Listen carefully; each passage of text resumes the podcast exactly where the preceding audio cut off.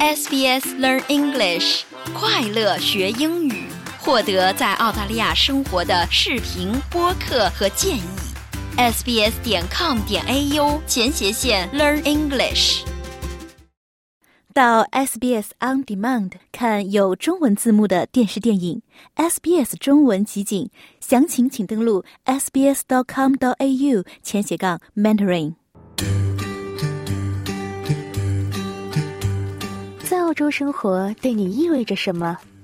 是每天清晨新鲜的面包和咖啡香气，是广袤蓝天、金色沙滩、清澈海浪，是与家人共度时光。是感受不同的人生际遇。不不不，它也是是几代人的价值观碰撞。哎呀，妈，你就别管了。是期望和压力的交织。别玩了，回去给考个 C 补补课去。是跨文化的交流与误解。他说那话啥意思？是不是针对我？澳洲生活千滋百味，等你来谈。SBS 全新热线节目《生活相对论》，每周一早上八点二十分播出。生活相对，有趣绝对。听众朋友您好，生活相对有趣绝对，范非常欢迎您收听每周一八点三十分和您相见的《生活相对论》听众热线节目。我是刘俊杰，我是雨夜。那么雨夜，今天我们节目一开始哈，比以及在刚刚不久和大家预告过哈，近期的一项调研发现呢。在生活成本不断上涨的情况下呢，三分之一的澳大利亚家长呢正在为孩子的返校开支而苦恼。我们知道现在是孩子的返校的时间点哈，很近了。嗯，没错，听众朋友们，您有哪些来应对教育成本压力的经验和方法呢？我们也是非常想听到您的分享，也是欢迎您拨打我们的热线电话一三零零七九九三二三一三零零七九九三二三，拨打热线电话分享您的经历和看法。那么，我们的热线电话现在是已经向您开通了。嗯，孩子们返校在即哈，非常期待您参与节目来分享自己的经验和窍门在。接下来呢，雨夜和我和您来介绍一下哈，有关教育成本上涨的一些数据。嗯，极限新研究表明呢，无论孩子上公立学校还是私立学校呢，家长们都面临着教育成本方面的压力。叫 Findus 一项新分析发现呢，在生活成本不断上涨的情况下呢，三分之一的澳大利亚家长呢，正在为孩子的返校开支而苦恼。只有百分之五十的家长表示呢，也就是大概一半哈。他们有充分能力让孩子重返校园。嗯，那相关的分析是显示了，二零二四年澳大利亚家长们将在返校费用上花费总计约一百二十九亿澳元。平均来说呢，每个小学生需要大约两千五百四十七澳元，中学生则需要约四千七百九十三澳元。如果家中是有几个小朋友的话，这真的是一个不小的数字了。哎，约三成的受访家长表示呢。无力购买文具和校服等物品哈。另外有百分之十三的家长表示呢，当孩子们重返课堂时呢，将购买或使用二手物品。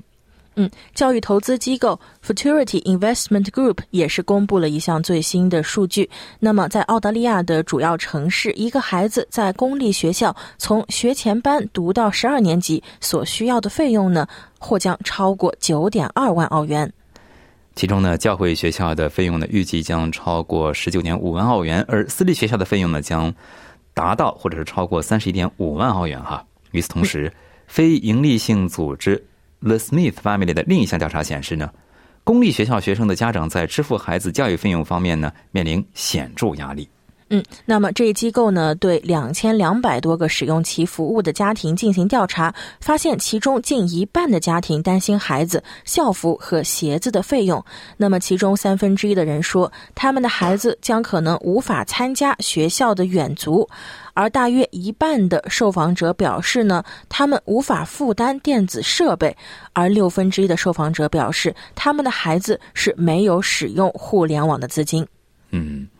其中呢，就比方说读公校啊、私校哈，这个费用到底是一个什么状况哈？哪里比较便宜，哪里比较贵哈？这个调查呢，也出具了一些相应的数据哈。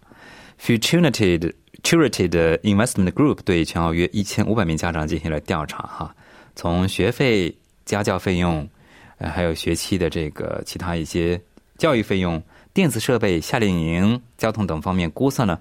儿童在未来十三年，如果从学前班开始算起哈，到十二年级就是中学毕业所需的一个教育成本，调查就发现呢，不论是选择公校还是私校，悉尼和墨尔本呢是教育成本最高的城市。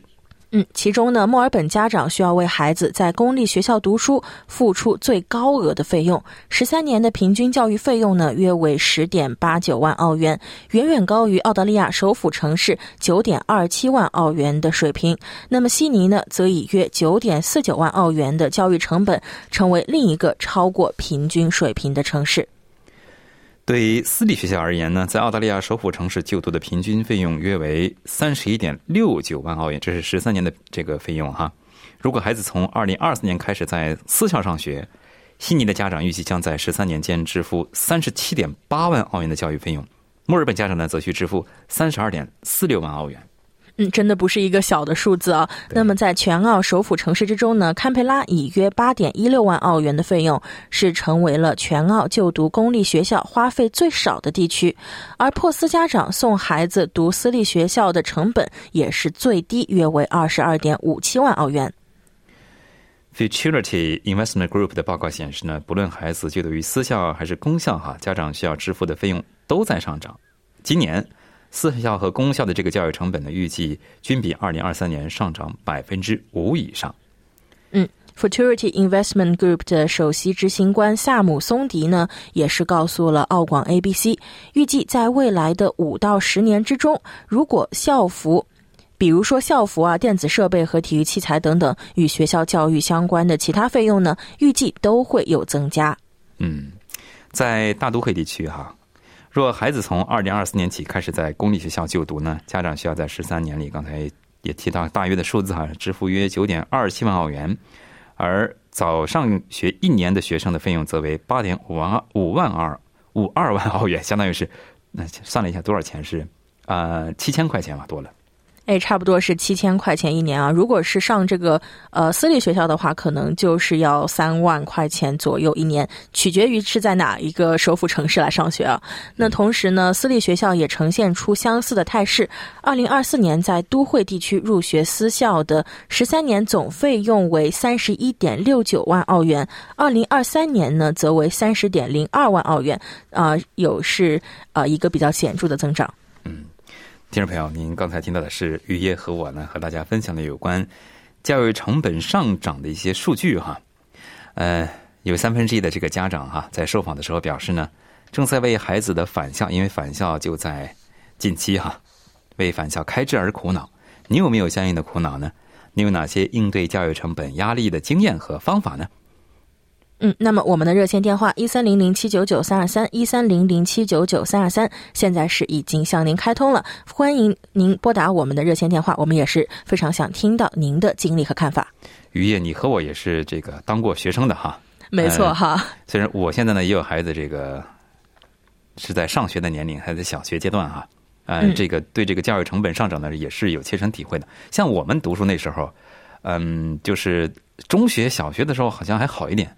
上了大学之后，那个教材特别贵的时候，我记得我那时候是啊，从前辈那儿、师兄师姐那儿，他们经常会哎，比方说开一些跳蚤市场啊什么的，我们就会去买一些书啊之类的。不知道你那时候，我们这个读书不在一个呃年度哈，就是说不知道你那时候有没有相关的啊，比方说教育成本啊，自己上学的时候可以缓解一下自己，比方说开学的压力的这种呃。方法或者是经验有吗？嗯，呃，我上学的话呢，我大学也是在澳大利亚上的。当时呢，我记得一点跟 Jason，也就是俊杰刚才说的是很像的，那就是教材是挺贵的呀。我记得当时可能一本教材大概是在可能要一百澳币、两百澳币这样一个水平。而且其实如果是一本教材就用一堂课的话，其实能学到的东西很少。可能很多人在这。这门课上完之后啊，这个教材还是一个全新的状态啊，所以我记得我们当时也是会像俊杰你刚才说的，去有一个二手市场，或者是有一些私下的在呃群里的一些交换呀，比如说，哎，我这本呃。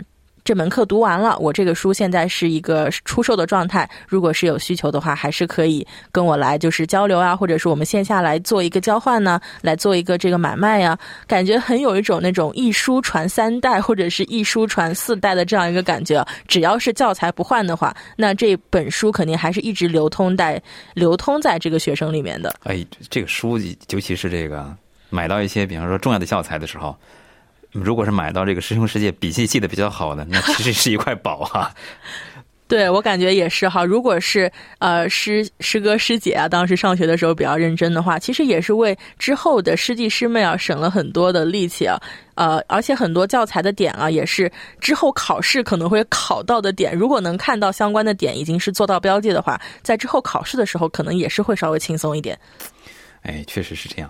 呃，这个我的孩子现在是在上小学嘛，嗯，然后经常的时候呢，他们学校里面需要招一些义工啊，招义工的时候就说，哎呀，我们现在比方说这个校服店需要招个义工，那么是非常欢迎这个毕业的或者是孩子这个衣服已经小了不穿的这个衣服，这个收回来之后买二手衣服啊，我觉得这是一个特别好的方法。其实，在我们上学那时候也是哈，有一些校服如果是这个别人这个洗干净了。去再次销售，然后买过来的这种情况也有哈。当时我记得我们也讨论过这个话题，跟同学们啊，就是说这个，呃，平时是周一到周五都穿校服，周末的时候呢可以穿自己的衣服。然后呢就说，其实对比下来，当时哈，那现离现在已经有点年限了，说这个还是校服便宜。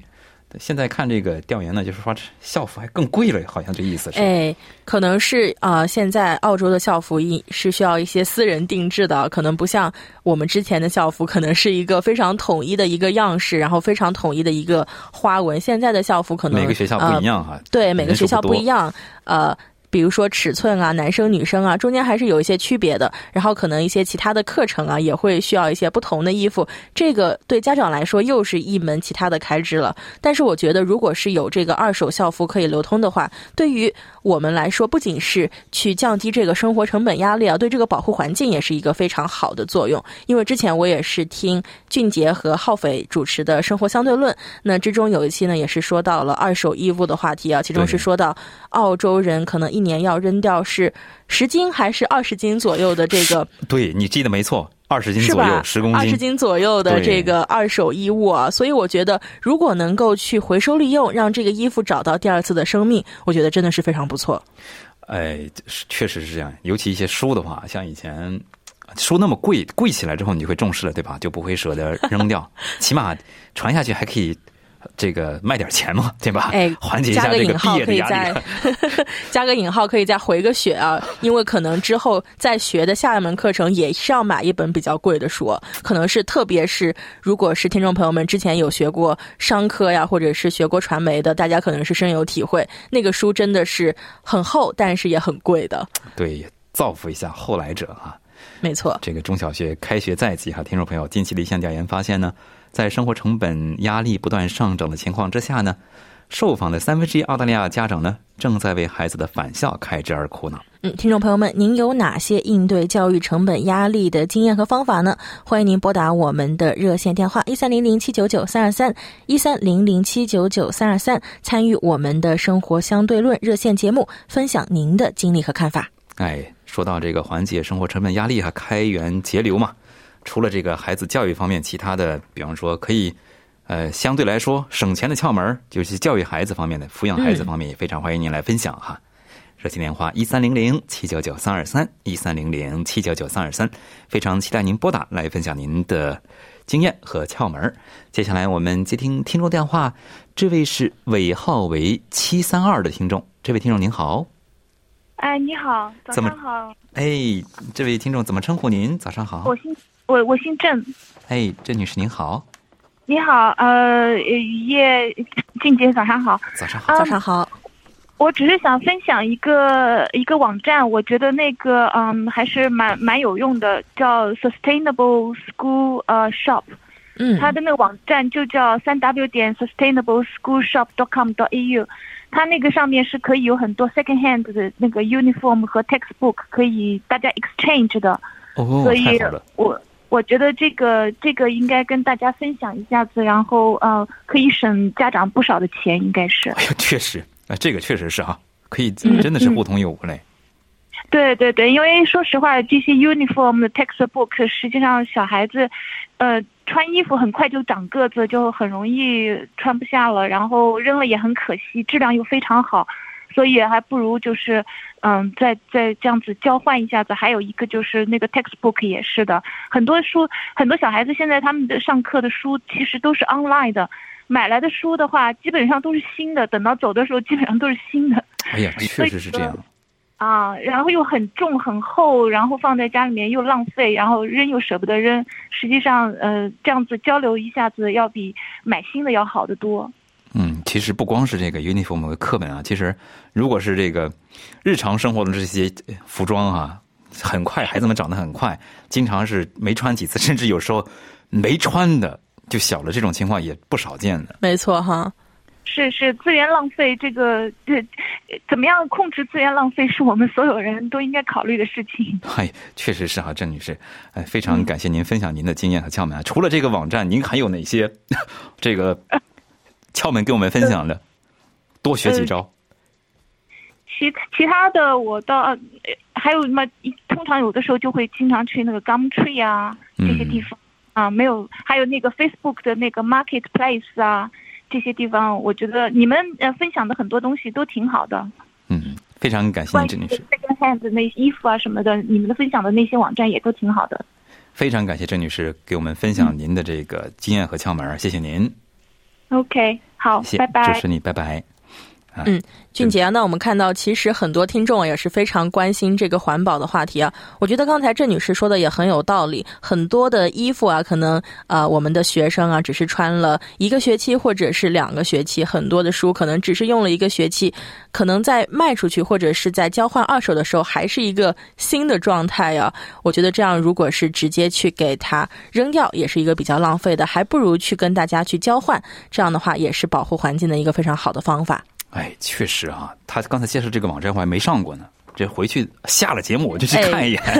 可以来尝试一下，说不定可以打开一片比较新的大陆啊。对，因为这个校服呢，可能每个，比方说中小学呢，有自己的这个二手，呃就是校服店里面就有二手校服的这个销售哈。如果我们学校里面没有校服店，那可能就得去那种专门卖校服的那个商店。这个时候呢，往往是新的居多，二手的就居少了。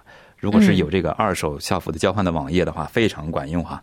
我重复一下，如果我没记错的话，你来纠正我哈，叫 sustainableschoolshop.com.au 对吧？哎，Sustainable School Shop，没错，俊杰记性很现学。现卖了，郑女士，感谢啊，非常感谢您。这个嗯听众朋友热线电话依然是一三零零七九九三二三一三零零七九九三二三。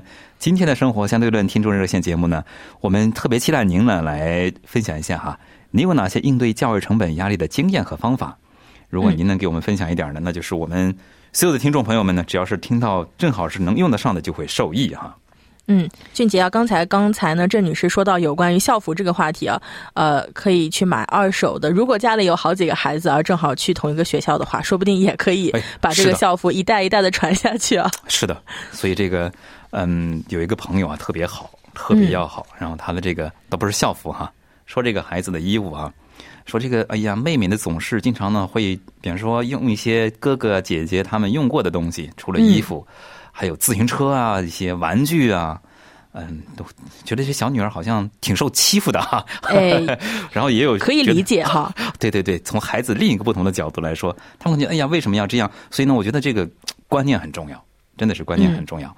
嗯、然后他们呢，经常这个，他们家这个儿子呢，比我们家孩子要大一点儿刚好他们这个衣服呢，大那么一号或者两号，不穿的或者是穿过的。但是也洗洗都是很干净的、很新的那种，留下来就给我们，是可以省一大笔钱的，真的是一大笔。嗯，没错，而且这些二手衣物啊，可能人家的孩子也才穿了可能几个月，比如说一年这样子，因为小朋友长得很快的嘛，所以在这个时候，如果能跟呃其他的身边的朋友啊去做一个交换，去做一个分享，我觉得不仅是保护环境，刚才我们说到的，也是一个可以去降低生活成本压力、应对现在通货膨胀的一个方法。哎，对，在教育孩子的过程中，不光是这个书本啊、校服啊，还有很多的这个玩具啊，是方方面面都要花钱太多了，对的。比方说这个网球的球拍呀，这个自行车呀，还有各种的，嗯比方说，哎呀，太多了，这个一下子没错，比如说鞋子呀，可能一年也要买好几双呢。哎，对，这个鞋子这个是高级好品的。没错，那么，听众朋友，热线电话依然是一三零零七九九三二三。接下来一点时间呢，雨夜呢和我呢和大家来分享一下啊，就是个我们看到一些家长呢开始自己开办学校，其实这是嗯澳大利亚的悠久传统之一。我以前呢也不是很了解，我们一起来了解一下哈。嗯呃，这分别是由弗林大斯弗林德斯大学的这个研究级教授奈吉尔霍华德和弗林斯大学教育领导和政策研究员安德鲁比尔斯他们来分享的哈。呃，一些澳大利亚家长因为想给孩子们提供他们所期望的教育而决定自己开办学校。据报道呢，这些学校通过收取的学费、银行贷款和政府资助来支付基本运营成本。嗯，那么根据澳大利亚人报的报道呢，二零二三年有些家长因为想给孩子提供他们期望的教育，而决定自己开办学校。其中之一呢是悉尼的 Hartford 学院，这是一座新的天主教学校啊，强调的是博雅教育，包括古典文学、语言和哲学。现在是约有二十二名学生注册。创办家长表示呢，希望全方位的关注孩子，并为每位学生安排导师。嗯，其实提到这个教育成本压力哈，在义务教育出现之前，我们澳大利亚哈，呃，有一个学校，有一类学校叫平民学校呢，早在一八五九年就在墨尔本诞生了。有社会资助的学校呢，想法呢是来自英国，为在墨尔本和悉尼街头游荡的贫困和无家可归的儿童呢，提供免费的道德教育。嗯，那么在二十世纪呢，一些残障儿童家长呢，也是开办了专门满足他们孩子需求的学校。例如，在一九四五年呢，阿德莱德家长们成立的克拉巴克莱中心啊，为那些在因战后麻疹大流行而失聪的一些儿童提供教育。同时呢，我们看到，在二十世纪十七十年代，哈，有家长和社区发现的学校数量呢，迎来了全盛时期。家长和教师联合起来建立社区学校，作为一种对狭隘的家长式的和排斥性的教育的替代方案。另外呢，还有这个学费低、以信仰为基础的学校呢，在二十世纪八十年代和九十年代的澳大利亚呢，逐步的兴起。嗯，那么这些学校是收费低，主要是基督教的学校，通常呢是位于增长地区。那么在二十世纪九十年代呢，难民社区的家长和领导者也联合创办了反映他们各自信仰和社区的学校。嗯，自二零一二年以来，哈，钢丝教育改革呢，使得家长社区创办新的独立学校呢，更加经济可行哈。那么，联邦政府现在资助每所非政府学校百分之八十的教育资源标准，这是对于一所学校需要多少公共资金来满足学生教育需求的估计哈。另外呢，这个家长这个如何创建一所新的学校呢？嗯我们为您简要的分享一下哈。您不是这个每所学校的这个愿景都能成功实现，创建一所学校需要领导力、时间、承诺、决心和资金支持等等啊，其实是比较难的一件事情。嗯，除此之外呢，学校必须要满足州教育认证机构的要求，包括拥有合适的场所，具备有董事会的治理机构，能够提供课程，并满足员工和学生的安全和保护要求。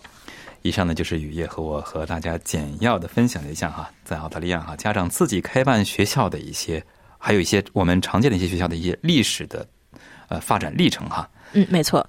听众朋友，由于时间关系，今天的生活相对论听众热线节目要和您说再见了哈。非常感谢您在清晨的陪伴，我是刘俊杰。我是雨夜。想在 SBS 当一回影评人吗？SBS On Demand 正在推送配有中文字幕的热门影视作品。您只需观看一部或以上影视作品，并把影评观后感发给我们，就有机会赢得一份 SBS 精美礼品。您有想过你的顾客也在听这一条广告吗？如果可以的话，您想如何把你的公司推荐给他们？SBS 是澳大利亚最值得信赖的多语广播电台。我们提供广告套餐给各种规模的公司。我们经验丰富的广告销售人员会一路指导您如何让自己的广告脱颖而出。您可以使用自己的广告，或者请我们的制作部为您制作出任何一种语言的广告。您还在等什么？今天就把您的生意推荐给更多新的客户吧。详情请咨询广告部，邮箱是 sales at sbs dot com dot au。